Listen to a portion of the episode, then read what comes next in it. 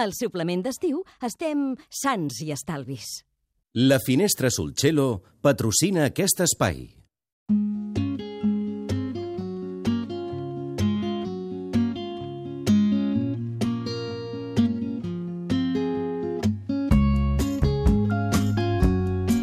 Avui a la cuina que cura us parlarem de les verdures fermentades, sobretot de com fer-les a casa, perquè ha una opció per la gent que és com jo, que és una mica mandrotes, que és anar a la botiga a comprar-les, però també hi ha una altra possibilitat, que és curar-te-les a casa teva.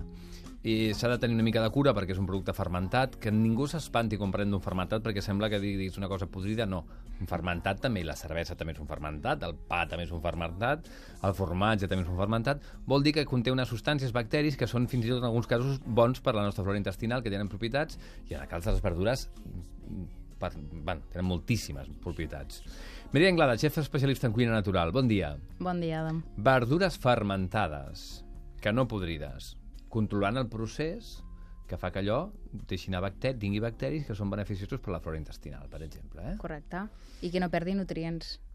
Que no perdi nutrients. No, no perd cap nutrient la verdura fe- fermentada. És el mateix que una verdura fresca, Mm, en, però- pel que fa nutrients, eh? Se li incrementa l'enzim i la vitamina C, i la vitamina B... Bé, és un bon... O sigui que són encara més fàcils de digerir, per tant, i d'assimilar, no? Si Bueno, de fet, enzims. ens ajuden a, mi a digerir millor els menjars. Va. Hi ha gent que en menja una miqueta abans de menjar i una miqueta després, Mhm. de les verdures fermentades. Tu te'n recordes abans, quan anaves a un restaurant i et posaven les olives? Sí, Perquè les olives també és una verdura fermentada. eh? clar, esclar. I l'oliva t'ajuda a, a tindre més gana. Ah, Si veieu val. que els nanos no mengen, posa-li una miqueta d'una oliva fermentada o una verdura. Llavors, a part de tots els beneficis que té per la flora intestinal i el sistema immunitari, Uh -huh. també ens ajuda a menjar més. Val, t'obre la Mm. gana. Sí. Eh? Passa que no ens passem, perquè tenen sal. Ara en parlarem de com fer-les, llavors si ens passem... Jo us recomano una culleradeta al dia o dues. D'acord. Um, D'entrada, bueno, i quines verdures triem, les que siguin fàcils de fermentar? Suposo que n'hi ha algunes que tenen més complicació, o com a mínim més complicació d'elaborar, no? Però suposo que una pastanaga és fàcil, eh, una col... Jo començaria per algo econòmic, Uh -huh. per començar, fins que agafem la tècnica. Després podem jugar. Hi ha verdures que queden super divertides, com el bròquil o la col. Però bueno, primer agafem la tècnica i després anem fent. Val, per on comencem així? Mira, a casa podem fer servir primer la tècnica del prensat. Això l'estiu va molt bé. Per exemple, amb el cogombre Mhm. o el rabes, que molta gent em diu home, jo tinc un problema de tiroides i a mi m'han dit que el raba no va ben cru.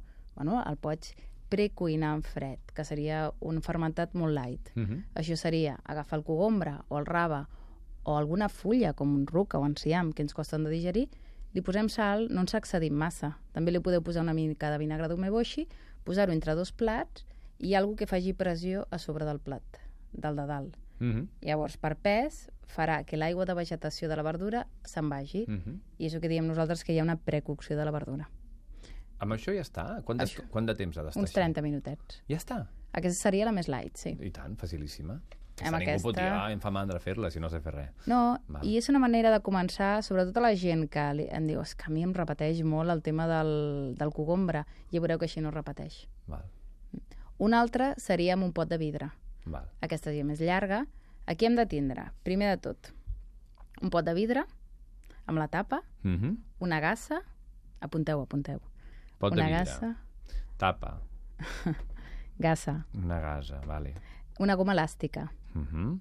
sal marina, Sal marina, eh? La sal aquesta normal no val. Sal marina. no, sal marina és completa, D'acord.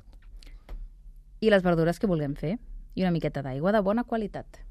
No agafem l'aigua de l'aixeta, agafem una embotellada. D'acord. Val. Molt bé. Doncs omplim el pot, que prèviament el podem esterilitzar bullint una miqueta i mantenint-lo dintre del forn a 90 graus perquè no perdi aquest punt d'esterilització.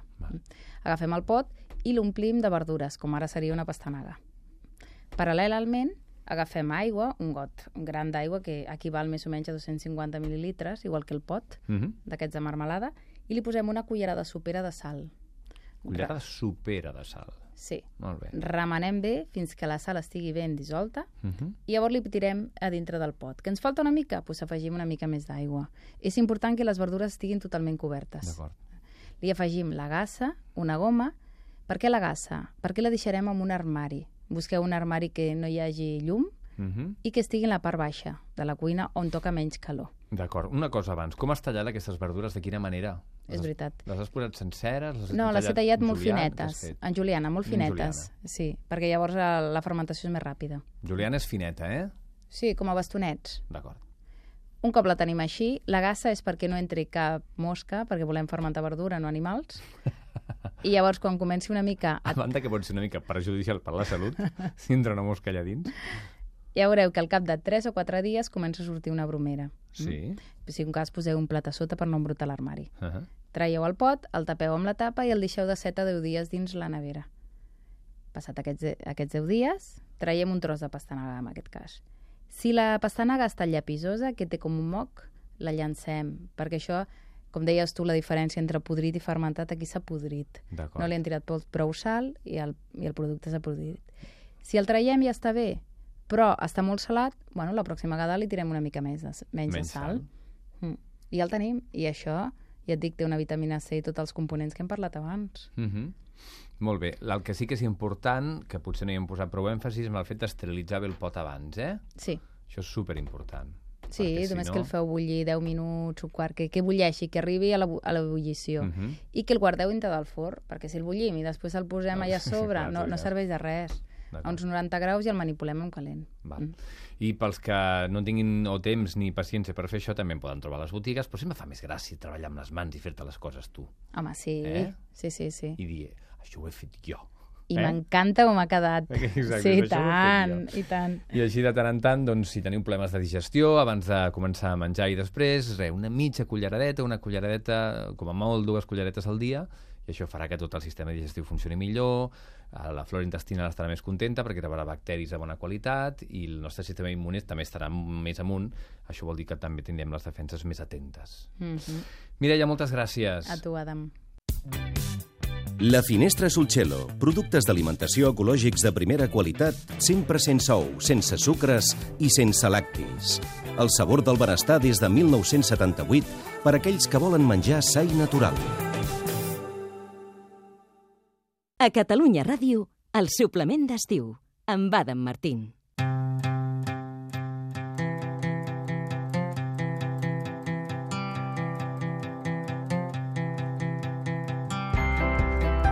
A la secció d'Esport i Salut hem repassat ja doncs, eh, diferents eh, conceptes relacionats amb aquestes dues idees. Hem parlat de l'alimentació, de la importància de la salut digestiva, de com hidratar-nos, de com menjar abans, durant i després d'una competició.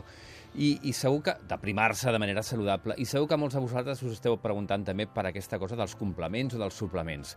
Són essencials, són tan importants, calen si fem pràctiques esportives, sobretot les d'alt rendiment, o no? Avui amb l'Edgar Barrionuevo tractarem aquest tema. Edgar, bon dia. Hola, bon dia. Ja sabeu que és llicenciat en Ciències de l'Activitat Física i Esport, format en Alimentació i Nutrició Clínica i avançada per la UB i Màster en Health Promotion pel Cooper Institute de Dallas i, a més a més, responsable del Centre Corpore de Castelldefels. D'entrada, complements, suplements, calen o, o no calen des del teu punt de vista? Mira, eh, el primer que hem de saber és que eh, avui en dia hi ha, hi ha un, un mercat molt extens eh, del món dels suplements i, i, i molts d'ells... Hi ha de tot. Sí, De tot. hi ha tot. Llavors hi ha, hi ha companyies i, hi ha, i indústries multinacionals que dediquen i empleen molt, molts esforços per, per vendre aquests productes, Mhm. vale? I, i moltes vegades són en funció del, del seu benefici. Mhm. Llavors, avui en dia, des de la ciència de la nutrició, no tenim estudis fiables i consistents que ens diguin, que ens garanteixin que els suplements milloren o són millors que una alimentació adequada. Vale? Ah, eh, al contrari, veiem com, com molts del, dels suplements i de les substàncies que, que ens venen en ells són molt més biodisponibles quan estan als aliments, de Mhm. forma natural. D'acord. Vale?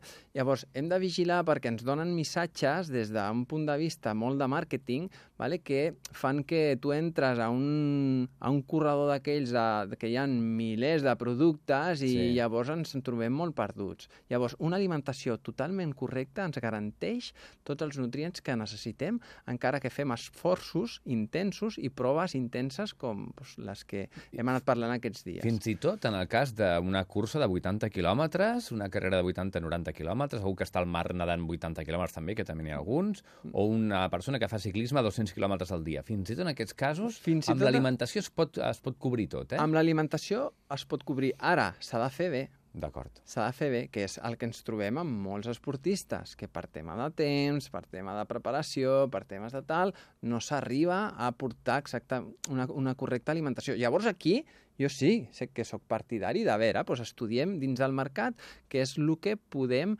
trobar per eh, cobrir aquestes mancances que tu no arribes amb l'alimentació. Val, per tant, eh, seria una proposta de mínims aquí. Mm. Que, que, I si ens trobem davant d'aquest cas, que, aleshores cap on hem de mirar? Quins són els que diries que són indispensables per, per Mm. suplementar o per complementar allò que no tenim temps o no sabem o no podem a través de l'alimentació? Doncs aquí, eh, amb l'esport, eh, sobretot hi ha un, un desgast de, a nivell de, de radicals lliures, no? perquè l'esport molt intens doncs, doncs, ens fa crear més. Llavors, eh, jo per un costat, per una banda, optaria doncs, per tenir una suplementació d'un complex, d'un complex vitamínic. Mm -hmm. Un complex vitamínic per, per, bueno, perquè el nostre cos tingui unes reserves més, més potents per lluitar contra aquests radicals lliures. Millor Vale. naturals que mm, artificial, que sintètics, és igual... Sempre eh, ens donarà més garantia si anem a, a, una, a unes marques de, de suplementació que siguin amb, amb els ingredients totalment naturals. Això al, al, als productes ens ho han de dir. Mhm. Vale?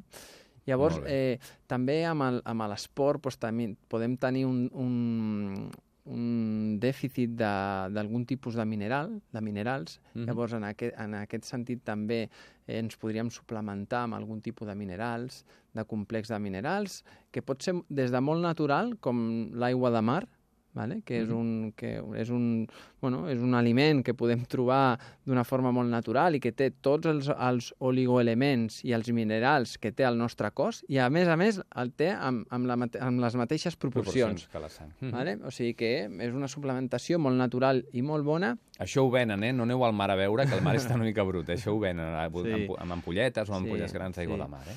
I, I després, eh, amb l'esport, també eh, hi ha el, el, un desgast important de- d'alguns aminoàcids, com pot ser la, la glutamina, eh, que es necessita molt, molt pel múscul, i llavors doncs, també podríem plantejar-nos si no tenim una bona aport d'aquesta glutamina amb l'alimentació i amb els aliments, que són més rics en proteïnes, com el, doncs, el peix, vale? o, o els, els ous de bona qualitat, eh? Mhm. i tal. Eh, llavors, doncs, sí que ens podríem plantejar doncs, també fer algun tipus de suplementació de- d'això. Molt bé. Mm. I la cafeïna, per exemple, que molta gent se la pren per millorar el rendiment, que no seria exactament un suplement, perquè no te la prens Sí. cada dia, en aquest sentit, però sí que és una cosa que la gent pren per millorar el rendiment de manera puntual en una competició i tot això. Pues sí, mira, la cafeïna anys enrere estava prohibida, era com una, considerada una substància dopant, però després ja van deixar, van treure la prohibició perquè van veure que perquè realment la cafeïna tingui efectes en el rendiment es necessiten moltes, una quantitat molt alta.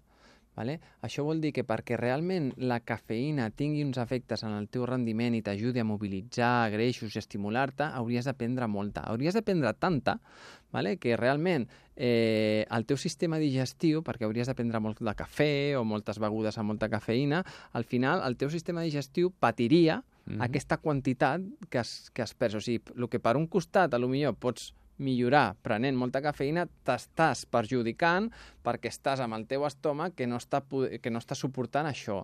És el que passa també amb el, amb el bicarbonat sòdic, no? que, que va bé per taponar l'àcid làctic, no? Eh, L'àcid làctic és això que, que ens passa al múscul quan ja ens crema molt, que no podem més, no? amb esforços intensos. Però clar, has de prendre tant que el teu sistema digestiu pues, no ho pot suportar. Llavors, pues, d'aquest val està fent una competició amb, amb mals de panxa i tal, i, i si no pots al final tenir un, un, un rendiment perquè tens la panxa alterada, no? Llavors, bueno, hem de vigilar tot el món de la suplementació i hem de tenir en compte que el, el que ens diuen pues hi ha molta cosa darrere que no és molt... Tot el que ens digui que ens millorarà, que ens farà més forts, tal, pues Mm. tot això, al final el que ens fa forts és entrenar i, i I ser constants i... I menjar eh, correctament, I menjar no? correctament. Dius, si això ja està inventat, home. Eh? Sí, sí. Ja està inventat i es diuen aliments i són a la natura, Exacte. no? Molt bé, Edgar, moltíssimes gràcies. A vosaltres. Catalunya Ràdio.